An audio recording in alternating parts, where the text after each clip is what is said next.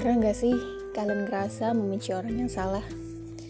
Dan kalian sadar kalau kalian telah salah karena membenci orang lain. Dan karena tahu kalian salah, kalian justru membenci diri sendiri karena membenci orang yang salah. Lingkaran setan. Wait, wait. Manusia itu makhluk sosial, banyak interaksi dan suka interaksi.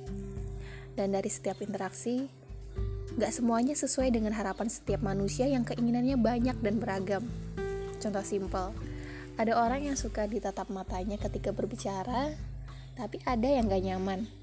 Ada yang suka temu langsung, tapi ada juga yang suka komunikasi jarak jauh. Dan tentunya tidak mudah menyenangkan orang lain. Di tengah kita juga mencari kesenangan.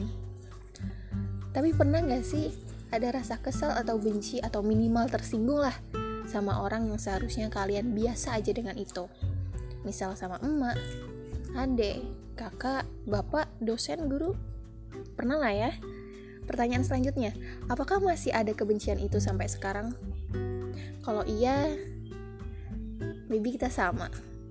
Ini yang sampai sekarang jadi masalahku. Setiap orang bertindak berdasarkan latar belakang dan alasan masing-masing.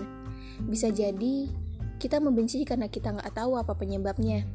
Yang kita pikirkan adalah aku tersakiti dan terus membawa kalimat itu sehingga merasa kitalah yang menjadi korban. Aku pernah ngerasainnya, ya tersiksa juga. Lalu apa yang dilakuin? Beragam cara. Beragam.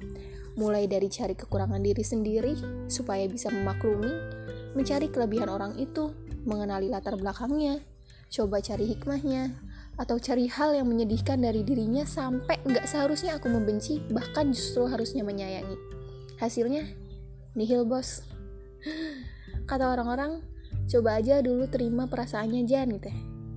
Tapi step selanjutnya yang masih keliru. Bukannya menerima lalu melepaskan, yang terjadi adalah semakin menguatkan bahwa aku boleh membenci. Dan semakin membencinya, justru membuatku semakin membenci diriku. Rumit kan? Jika kalian pernah atau merasa di titik itu, mungkin ada satu hal yang kalian lupa, dan aku juga. Ya mukallibal qulub. Allah, Allah yang maha membolak-balikan hati. Eh, udah minta ke Allah belum buat menyayanginya? Udah minta ke Allah belum buat menghilangkan kebencian yang tidak seharusnya ada? Ini poin pentingnya.